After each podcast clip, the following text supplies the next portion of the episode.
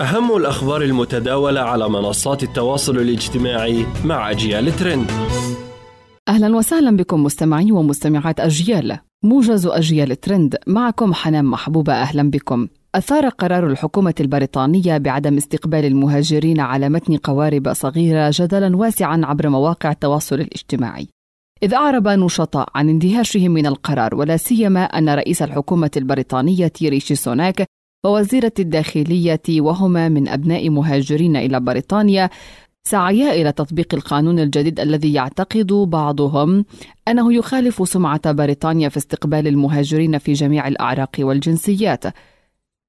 من جهة أخرى أعرب مغردون عن دعمهم للقرار مؤكدين أن بريطانيا ليست مجبرة على استقبال مزيد من اللاجئين على أراضيها.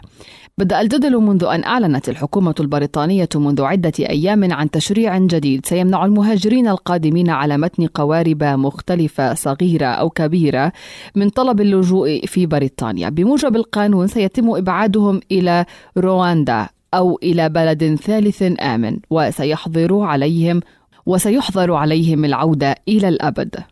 على الجهة الأخرى انتقد مغاردون المهاجرين العرب في بريطانيا لافتين أن لديهم ممارسات خاطئة في بريطانيا وأوروبا. فيما أكد آخرون أنه ليس من العيب أن يحمي البريطانيون حدود بلادهم مقارنة بين ما فعلته إنجلترا ورد فعل دول عربية إذا ما دخل حدودها مهاجر بنفس الطريقة.